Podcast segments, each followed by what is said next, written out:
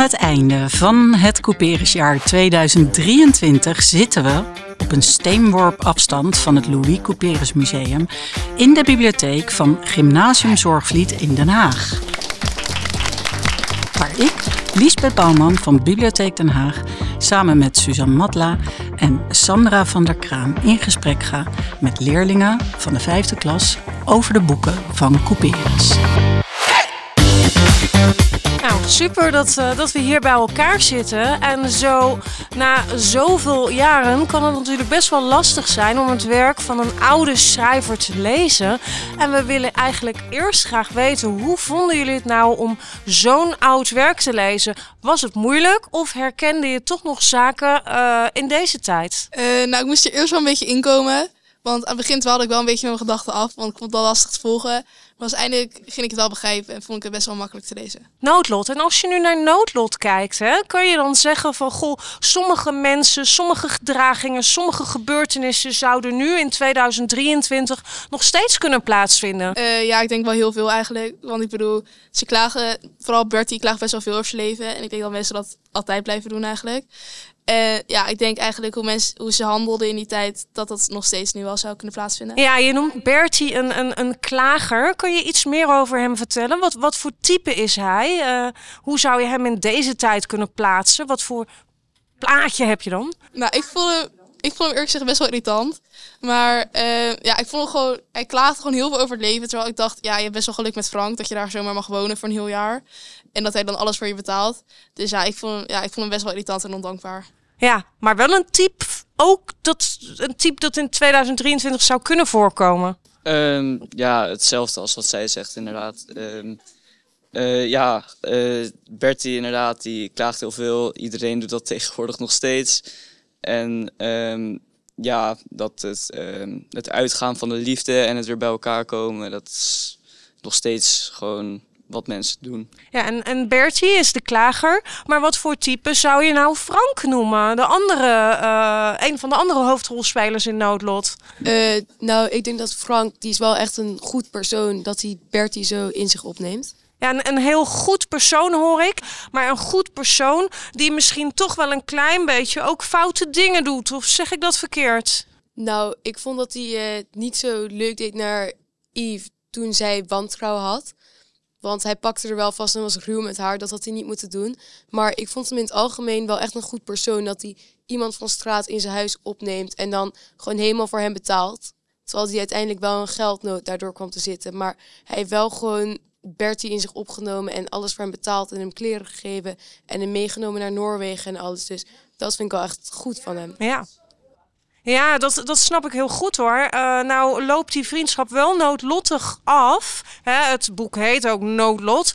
Um, wat zou Couperus ons nou met dit boek... wat zou hij ons nou hebben willen laten zien met betrekking tot vriendschap? Ik heb als, eerlijk, als ik eerlijk moet zijn, heb ik ook geen idee. Zag je al uh, op voorhand dat uh, de vriendschap tussen deze twee kapot zou gaan? Uh, op voorhand? Nou, in die tijd was het natuurlijk best wel naturalistisch, Louis Couperus. Dus hij vond natuurlijk dat je, als je ras en je klasse, dat heel veel bepaalde. En ze kwamen natuurlijk wel van een andere stand. Dus ik denk dat hij daarop wist, zeg maar, van tevoren al dat het niet zou werken. De relatie tussen de personages. Nou, um, ik vond Frank was wel erg naïef, vond ik. Die uh, probeerde echt het beste te zien in Bertie. Maar ik denk, um, ja, het is wel, ja, het, het zou net zo goed tegenwoordig kunnen zijn gebeurd, zeg maar in hoe ze met elkaar omgingen, denk ik. Behalve dat Frank Bertie doodslaat. Dat lijkt me niet heel realistisch om nu te gaan gebeuren. Maar um, voor de rest... Bertie klopt aan bij Frank en Frank laat hem binnen. Want hij is, Bertie is zeg maar armoede, zwervend op straat en zo.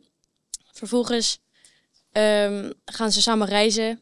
Maar Frank ontmoet een meisje en die raken verliefd op elkaar. Maar Bertie is het daar niet, niet, mee eens, want hij wil zeg maar Frank voor zichzelf houden. Um, Vervolgens uh, gaat Bertie zeg maar die relatie heel erg in de weg zitten en zo. Dus uh, die gaat um, dat gewoon heel erg saboteren. Frank die uh, wordt boos op, op, op Yves omdat ze wantrouwen heeft in, haar, in hem. En dan wordt Frank heel erg boos en die slaat daar en agressief. En dan hebben ze heel, lang geen contact. En dan ontmoeten ze elkaar weer in Scheveningen na een wereldreis. En dan eh, komen ze erachter dat Bertie eigenlijk alles heeft, gesaboteerd. En dat het gewoon allemaal, allemaal één grote grap was. En dat het allemaal gewoon... eh, het lag niet aan hun twee, zeg maar. Vervolgens eh, vermoordt Frank Bertie. En eh, dan moet hij twee jaar naar de gevangenis. En daarna denken ze van, ja, dit, we kunnen niet met elkaar leven, we kunnen ook niet zonder elkaar leven. Dus dan maar, dan maar gewoon, eh, Frank wil zelfmoord plegen, maar dan zegt, zegt Yves eerst, nee, niet doen, niet doen. En toen, eh, dan is het noodlot, zeg maar, dat, dat vergif was op de grond gegooid, maar dat was niet kapot gegaan. Dus toen dachten we, oké, dan gaan we samen dood. Toen hebben ze samen zelfmoord gepleegd. Ja, mooi. En eh, jullie zeggen, jij zegt al iets over de relatie tussen Frank en Bertie. Kan iemand iets meer over die relatie zeggen? Is dat nou een gewone vriend-vriend eh, relatie, afgezien van het klassenverschil? Is het helemaal zuiver vriendschappelijk of is er, speelt er iets meer op de achtergrond? Nou ja, ik had het, ik had het idee dat er wel ja, iets meer speelde. Vooral de eh, afhankelijkheid van eh Bertie van Frank, dat speelde een hele grote rol. Als er één ding is wat in eh, wat vriendschappen en relaties überhaupt in, in de weg zit, dat kan. dat is gewoon afhankelijkheid, of dat nou emotioneel of financieel is. En die afhankelijkheid die was dus heel erg aanwezig. En dat leidde ertoe dat, ehm, dat Betty dus ehm, Frank heel erg in de weg ging zitten op, op een gegeven moment. Dus eh, ik zou echt niet zeggen dat, die, eh, dat hun verhouding heel, eh, wel zo zuiver was. Ja, ja super, super mooi geformuleerd, echt heel knap. Denken jullie nou dat er daarnaast, naast dat verschil dat jij zo goed in kaart brengt, is er nou nog iets? Is er, speelt er nou misschien bij Bertie nog een gevoel waardoor die relatie niet helemaal gelijkwaardig is? Ehm, ik denk dat vooral Bertie, eh, aangezien hij wat armer was eerst en toen naar Londen ging, dat hij echt dacht van oké, dit is het, ik wil dat het zo blijft. En eh, toen dat niet zo kon door E- Eve, eh, raakte hij een beetje in paniek, omdat hij niet terug wilde naar zijn oude leven. Dus ik denk ook wel dat dat relevant is. Ja. Er wordt ook gezegd dat er sprake zou zijn van verliefdheid bij Bertie. Niet op Yves, maar op Frank. Is dat iets wat jullie terug hebben gezien in het boek? Ja, dat is eigenlijk ook het eerste wat mij was opgevallen eigenlijk. En waardoor viel je dat op? Wat, wat had je, wanneer kreeg je tekenen dat je dacht, hmm, deze relatie is een relatie tussen eh, Bertie en Frank, maar niet alleen vriendschappelijk, maar die gaat verder dan alleen vriendschap. Ik denk ook de manier waarop Bertie het ook steeds had, zeg maar, dan ook over zeg maar, vrouwen bijvoorbeeld. Dat was vaak super negatief en minderwaardig en zo. En er was volgens mij ook één zo'n stukje of zo, volgens mij, maar dat durf ik niet helemaal te quote of zo. Maar ik dacht dat Bertie zei dat hij hield van Frank op een manier dat mannen normaal niet van andere mannen houden of zo. Dus dat was voor mij wel echt een teken dat daar meer achter lag, zeg maar, dan alleen vriendschap. Ja, en denk je dat dat normaal was eh, om in die tijd over bijvoorbeeld homoseksualiteit te schrijven? Nee, ik denk niet dat het heel normaal was. Ik denk dat, ehm, nou, dat daarom het ook niet heel erg misschien tot, eh, tot uiting kwam in het boek. Maar dat het een beetje, ja, een beetje klein werd gehouden. En dat is vooral de relatie tussen Frank en Yves wat belangrijker was en wat centraler stond, denk ik. De net werd er gevraagd over een boek. Ehm, of je het zou herkennen, of dat je het thema in deze tijd zou herkennen. En toen stak jij eh, je hand eh, stak je op. Oh, eh, ja, ik denk dat het wel herkenbaar is, want het gaat natuurlijk over de liefde en zo. Maar het ging over een hogere liefde, had ik het idee. Zou je kunnen uitleggen waar Extase, een boek eh, van geluk, over gaat? Ja, het gaat over een vrouw en zij is haar man verloren, dus zij is een weduwe. En zij ontmoet dan Taco. En eerst voelt ze eh, dat ze hem niet mag. En later dan Ja, dat ene mooie woord. eh, antipathie. Ja, precies. En later dan ehm, begint ze hem toch steeds leuker te vinden. En op een gegeven moment re- realiseert ze zich dat ze heel erg van hem houdt. En dan beginnen ze elkaar vaker te zien, maar dat kan niet, want Taco wordt te gelukkig van haar. En dan, eh, dat kan voor hem niet, want dan, eh, ja, dat is niet mogelijk. Ja, want op wat voor manier beleeft hij zijn liefde? Ehm, Anders dan die bij Cecile? Nou, op een gegeven moment dan zegt hij dat zij Madonna is. Dus ik denk dat hij het ervaart als echt pure liefde of zo. En niet als een. Ja, ik kan het niet helemaal goed uitleggen. Ja, maar hoe gaat Taco om met vrouwen? Eh, Taco gaat om met vrouwen. Hij is zeg maar, denk ik, een man, een beetje een rokjager. Een rokjager. Dus hij heeft heel veel, ook die Emily Heidrecht heeft hij als een minnares volgens mij. En eh, dus, maar met eh, Cecile, dat is dus de vrouwelijke hoofdpersoon, daar heeft hij niet echt een seksuele relatie mee, alleen maar een hogere relatie. is Ja, en heb je daar ook dan iets, lees je als je dat verhaal dan eh, tot je neemt, krijg je dan ook iets voor jezelf mee over hoe jij in de liefde staat of hoe je daarmee omgaat? Ehm, nou, niet. Ja, gewoon dat deze relatie tussen hun, die gaat echt alleen om hun geluk dat ze bij elkaar voelen. Dus ja, daar leer je zeg maar wel een beetje over. Zou je nou eh, eh, de hoofdpersoon in extase, eh, de vrouwelijke hoofdpersoon, Cecile, is dat nou een sterke vrouw of juist niet? Ehm, ja, ik denk van wel, want ze is natuurlijk een weduwnaar en heeft, moet twee kinderen in haar eentje opvoeden. Ehm, en ja, ze komt niet vaak buiten huis, ze is vaak alleen. Maar ze, ja, ze vindt Taco een, ze ziet hem als een god, maar zo ziet hij haar ook.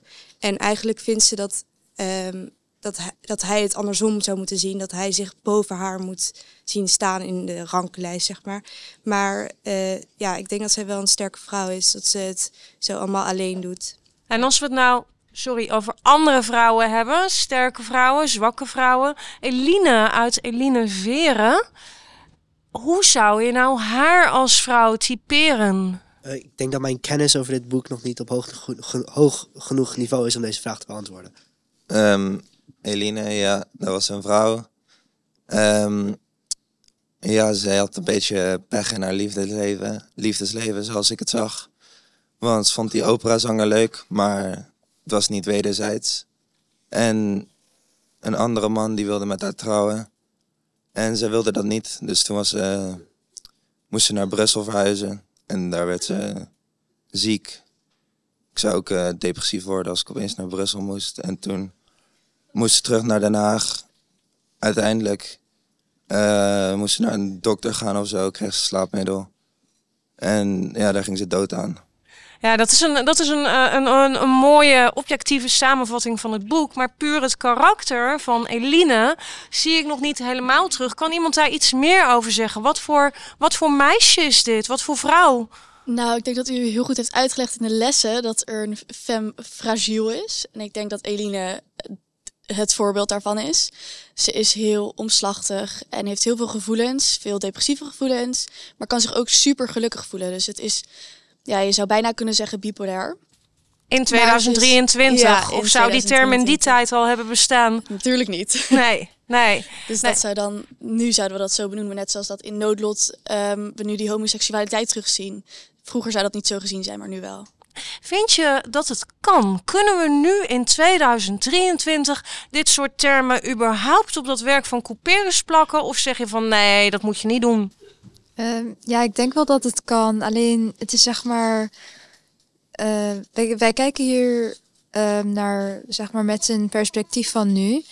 Ehm, en vroeger had, had je waarschijnlijk ook wel zo'n perspectief. Alleen zeg maar werden er niet zulke labels aangeplakt, zeg maar. En nu hebben we dat wel meer. Ja, Dus, jij zegt ja. eigenlijk, de mensen waren toen in wezen niet anders, maar we hadden de kennis van nu eh, niet. En dus eh, ontbraken ook die, eh, die, die, ja, die conclusies. Ehm, is er iemand die iets kan zeggen over Eline Veren? Hoe, hoe was het om dat boek te lezen? Volgens mij zijn er niet heel veel mensen die Eline Veren hebben gelezen. Ehm, ik heb hem zelf ook nog niet uit, verre van. Maar ik vind het wel een heel bijzonder boek, omdat het best wel terugkomt in deze tijd. Bipolariteit, dat is best wel een, nou, een onderdeel van onze samenleving nu. En depressiviteit. En dat komt gewoon heel erg terug eigenlijk uit, ehm, nou ja, wat is het, 200 jaar geleden. Zou je dat ook voor een Of kunnen 100. zeggen? Oh, wat precies? Wat zou ik over Kan je dat in deze tijd plaatsen? Ehm, ja, ik denk het wel. Want ik heb het ook, nou, bijvoorbeeld wat je terugziet bij Bertie is dat door zijn, doordat hij eigenlijk zo erg in een knoop is, eh, zit met zichzelf, daardoor verpest hij eigenlijk zijn relatie. En hij eigenlijk ehm, geeft hij alles de schuld van het noodlot wat hij doet, maar eigenlijk is het, ligt de, liggen de problemen heel erg dicht bij hemzelf. En ik denk dat dat nu bij deze tijd ook heel erg is. Het boek speelt zich ook af in Den Haag. Eh, eigenlijk heel veel boeken van Louis Couperus natuurlijk. Eh, hoe, hoe ervoer je dat tijdens het lezen, dat het eh, zich in Den Haag afspeelde? Vooral Eline Veren. Ja, ehm, dat, het geeft wel een soort extra eh, verbindingsgevoel. Verder merk ik dat dat mij niet heel veel uitmaakt als ik een boek lees.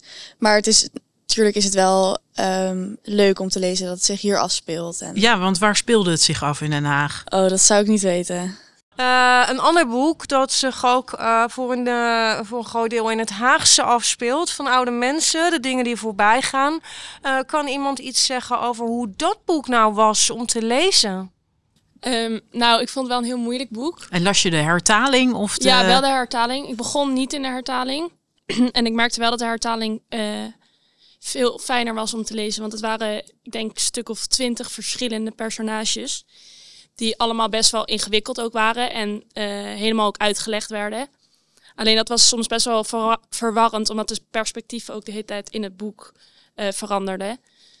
En ehm, je merkte ook wel dat eh, want ze wa- waren oorspronkelijk niet uit Nederland, uit Indië volgens mij. In Nederlands-Indië. En ehm, dat merkte je ook wel in hun connecties en zo. Ze hadden eigenlijk alleen elkaar als familie en de rest. Voor de rest hadden ze niet heel. Welk personage sprak je het meest aan in van oude mensen? Eh, ja, ik ben nog niet zo heel erg ver, dus. Maar eh, tot nu toe vind ik denk die eh Lottie is wel leuk. Die doet een beetje wat hij zelf wil en die is gewoon aan het schrijven. En hij is ook niet zo negatief, want ik vind best wel veel van de mensen die in het boek voorkomen best wel negatief. Ja, ik snap wat je zegt, want Lot lijkt inderdaad het meest eh, positief. Toch is hij ook wel gecompliceerd. Kan iemand iets eh, vertellen over het toch wel wat complexere karakter van Lot? Eh, nou, Lot is best wel, eh, lijkt heel erg op zijn moeder. En eh, heeft niet heel veel mannelijke eigenschappen. Hij is best wel vrouwelijk. En dat komt, hij is ook best wel ma- eh, tenger en klein, volgens mij. En ehm, dat komt ook heel erg terug in hoe hij zich gedraagt. Hij is best wel stabiel ook wel, maar hij mist heel erg dat mannelijke aspect. En zijn broer bijvoorbeeld heeft dat, halfbroer, heeft dat wel veel meer. En hij zorgt ook wel goed voor anderen. Ja, mooi. Er wordt wel gezegd dat Couperus een piepklein beetje misschien wel zichzelf zag in Lot. Hoe denk jij daarover? Zou dat kunnen? Nou, ik weet niet heel goed veel over Couperus zelf. Maar ik zou me wel kunnen voorstellen dat hij dan ook misschien zo'n klein mannetje was dat... ja, ik, ik zie dat wel voor me dat hij ook een best wel klein mannetje was. Dat ook schreef, want Lot schreef ook natuurlijk. En ehm, ja, dat zou... eh, Ja, en weet je, Couperus had een verstandshuwelijk. Hoe zou dat, hoe zie jij dat huwelijk eh, van Lot voor je? Ehm, zij hadden ook wel best wel een huwelijk dat eh, zo was omdat hij maar moest trouwen. Hij vraagt zichzelf ook best wel vaak in het boek af: is dit het nou? Moet ik wel trouwen of moet ik net zoals mijn zus ongetrouwd blijven en voor geluk gaan? En hij dacht dat trouwen een beetje een te groot stempel was. Kan je voor iedereen die nu zit te luisteren een samenvatting geven over van oude mensen? Eh, het gaat eigenlijk over familie. Eh, een best wel gecompliceerde familie. Nou ja, eigenlijk twee families waarin de overgrootoma's... Nou, zijn al, er zijn al heel veel generaties achtergekomen. En ehm, die hebben een moord gepleegd, heel lang geleden. Maar ehm, het boek draait er eigenlijk om dat die moord steeds ehm, eh, eh, van invloed is. Denk ik, ja, dat, dat het gaat vooral ook heel erg dat ze willen dat het voorbij gaat. Want het heet ook met, eh, van oude mensen en alle dingen die voorbij gaan.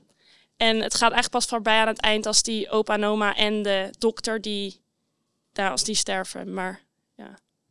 Ehm, Psyche is ook eh, gelezen door jullie. Ehm, zou je kunnen vertellen waar Psyche over gaat? Eh, Psyche is een sprookje over. Nou, het is een soort land met drie rijken. En je begint dan in het rijk en dat heet Verleden. En daar woont een koning met zijn drie dochters. En die heten Psyche, dat is de jongste. Astra, dat is de middelste. En Emeralda.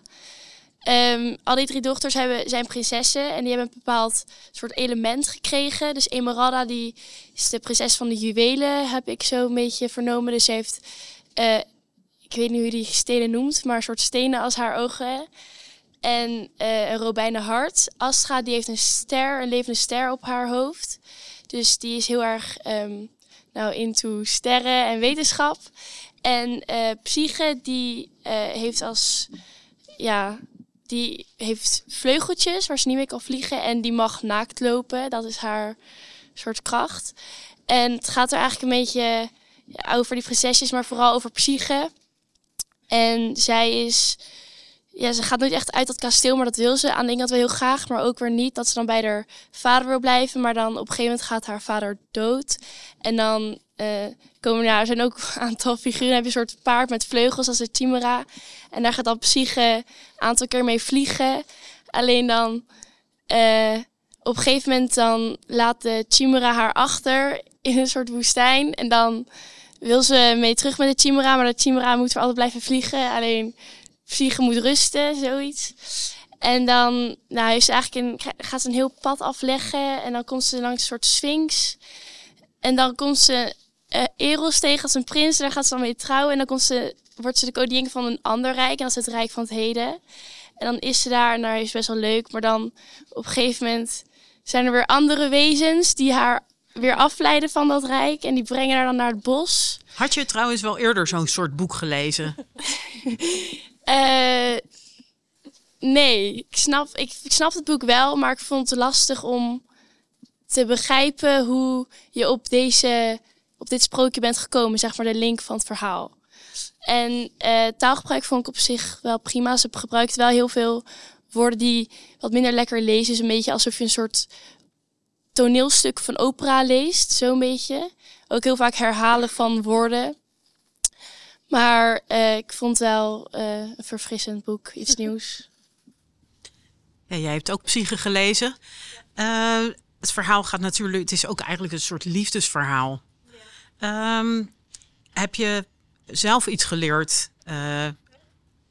naar aanleiding van dit liefdesverhaal? Nou ja, het ging er volgens mij heel erg over dat ze op een gegeven moment heel. Nou, ze wilde eerst heel graag met die, dat paard zijn. En toen had hij haar soort in de steek gelaten. En ehm, toen kwam ze Eros tegen. En daar was ze toen heel blij mee. Maar toen werd ze toch weer verleid door. Volgens mij heette dat een sater of zo heette dat. En ehm, toen had ze daar eigenlijk ook achteraf weer spijt van. Dus misschien is ook gewoon een soort les dat je ehm, heel goed na moet denken over wat je hebt en je niet zo snel moet laten verleiden door andere dingen. Nou, ik heb eerlijk gezegd het boek niet uitgelezen, maar ehm, ik vind het aan het begin denk ik een les over de liefde, zeg maar, dat zij al haar liefde aan dat paard, zeg maar, wilde geven en dat hij haar dan alsnog heeft verlaten. Dus ik denk dat dat misschien ook wel een les is, alleen ik heb het niet uitgelezen, dus ik kan er voor les niet zeggen. Ehm, je, je merkt zeg maar, dat zij wel ergens naar op zoek is, zeg maar. Ze voelt zich heel alleen, omdat dat paard haar dus eerst verlaat. En dan daarna gedraagt ze zich dus ook zo tegenover die Eros. Want zeg maar, ze gaat dan met die sater gaat ze weg. En die Eros die vermoordt zichzelf dan. En dan uiteindelijk ehm, is ze eigenlijk wel best alleen. En dan komt ze in het, eh, in het Rijk van de Toekomst. En dan komt ze, wordt ze weer herenigd met haar vader en met Eros. En dan komt ze eigenlijk weer, dan is ze dus niet meer alleen. Maar eigenlijk het hele boek merk je dat ze wel op zoek is naar zeg maar, iemand waarmee ze haar leven kan delen. Ik vond, het, ik vond het best mooi geschreven. Ik vond alleen eh, de zinsvolgorde was soms een beetje lastig. Maar wat Leonor ook zei, het leest een beetje als een soort toneelstuk of zo. Dat het mm, zeg maar, een soort eh, flow moet hebben. Dat het mooi op elkaar moet aansluiten en zo. En daarom zijn de woorden misschien anders. Zou je het iemand aanraden die eh, een boek voor zijn mondeling moet lezen? Ja, in principe is het best wel kort. Dus als, je het, als je het wil voor je mond wil lezen, is, ben je snel klaar. Eh, ja, eh, alleen dit soort. Het is natuurlijk wel. Het, het heeft natuurlijk wel een best wel diepe betekenis, dit soort boeken. Dus dan moet je er wel veel over kunnen vertellen als je het voor je mondeling wil gaan lezen. Een boek waar we het nog niet over gehad hebben en dat eigenlijk nog steeds populair is, is De Stille Kracht. Ehm, kan iemand iets vertellen over zijn of haar leeservaring wat betreft De Stille Kracht? Ehm, nou, dus Stille Kracht is een boek dat zich afspeelt in Nederlands-Indië. En het gaat over een resident, heet dat volgens mij. En dat is dus een Nederlandse man. En die eh, is daar een soort leid- leidinggevende. Ehm, en het gaat over hoe hij heel veel waarde hecht aan familie, maar zijn familie dat zelf eigenlijk niet doet. Dus zijn vrouw gaat heel veel vreemd, zelfs met zijn eigen zoon van een andere vrouw. Dus het gaat er gewoon over dat hij het allemaal best wel zich alleen voelt, terwijl hij toch wel een grote familie heeft, maar die allemaal wat andere idealen hebben dan hij. Zeg Ja, maar. mooi. Mooi. Hoe vond je het boek? Ik heb hem nog niet helemaal uit, maar tot nu toe, ik vond het begin best wel lastig. Dus het, alle, alle dingen zijn heel uitgebreid, worden ze uitgelegd. En dat vond ik juist het lastiger maken en meer ingewikkeld. Ehm, maar ik vond het wel mooi geschreven. Dus het verhaal is best wel, ik vond het best wel een goed en interessant verhaal. Ook omdat het over Nederlands-Indië ging en dat gaat. En dat vind ik wel een interessant onderwerp. Ja, er was destijds ook heel veel kritiek op dat werk van uh, Couperus. Maar gelukkig was er ook positieve eh, kritiek. Eh, en vond men het echt een heel spannende roman. Hoe vond jij dat? Eh, ik vond het ook be- best wel spannend, want het, was, het is best wel ehm, eh, actief, zeg maar. Er gebeurt best wel veel. Eh, het heet de stille kracht, omdat er uiteindelijk... ehm, nou, het is misschien een soort symboliek, omdat ze allemaal best wel... eh, nou, hoe zou je dat zeggen? slechte dingen doen. Bij- bijna alle karakters doen wel iets wat niet goed deugt, zeg maar. Dus daarom wordt er een soort onbekende kracht, zo wordt eigenlijk beschreven, tergt hun eigenlijk in het dagelijks leven. En wat was het spannendste moment wat jou betreft? Daar, wat dat daarover ging? Ehm, nou, ik vond de, de scène dat eh, Leonie, dat is de, de, de, eh, dat is de vrouw van eh, het, hoofd, het Otto, die ging op een gegeven moment in, in bad. Dat was een scène. Die was, eh, ehm, dat was best wel een gedetailleerd beschreven scène. En toen ehm, werd er zo van een, bij wijze van spreken, bloed in het bad gegoten. En dat was eigenlijk, ik ben even vergeten, volgens mij Siri-wortel of zo. Ehm, en dat was dan die stille kracht die dat deed. En toen ging ze, nou, ze werd helemaal eh, gek. En toen liep, ze de dienstmeid erbij en zo. Ehm, maar dat was wel een spannende scène. En ze zeggen ook dat ze de hele een soort kinderschreeuwen horen rond het huis. eh, en in de buurt. En dat is ook wel gewoon een beetje onheilspellend, zeg maar. Ja. En wat voor, wat voor kracht laat dat eigenlijk zien, al die eh, spannende elementen in het verhaal? Nou, ook bijna een soort karma wil ik zeggen. In de zin van ehm, hoe, ja, inderdaad, zoals al eerder is gezegd, heel de familie echt wel bezig is met dingen die echt niet kunnen. En ehm, die nu ook al helemaal in de samenleving van nu niet meer geaccepteerd worden, maar zelfs toen al eh verafschuwd werden. En ehm, deze stille kracht achtervolgt ze dan ook eh, eh, daarom, denk ik. En dat laat het boek ook goed zien, dat jouw daden dus ook echt wel consequenties hebben. Ehm, maakt niet uit eh, welke daden er gekritiseerd worden. En zou je kunnen zeggen dat dat eigenlijk nog steeds een heel actueel thema is? Ja, dat denk ik wel, zeker. Ehm, ik denk nog steeds dat ehm, er tegenwoordig heel veel kritiek komt op daden. En ik denk ook dat het goed is. Ehm, en ik denk ook dat Couperus dat inderdaad heel erg beschrijft in dit boek.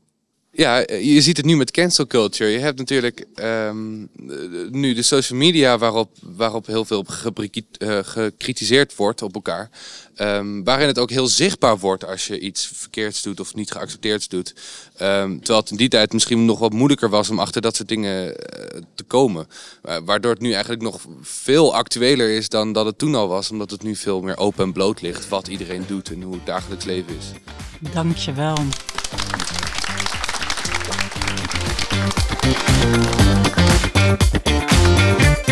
Ja, Louis Couperus, wat een topgozer.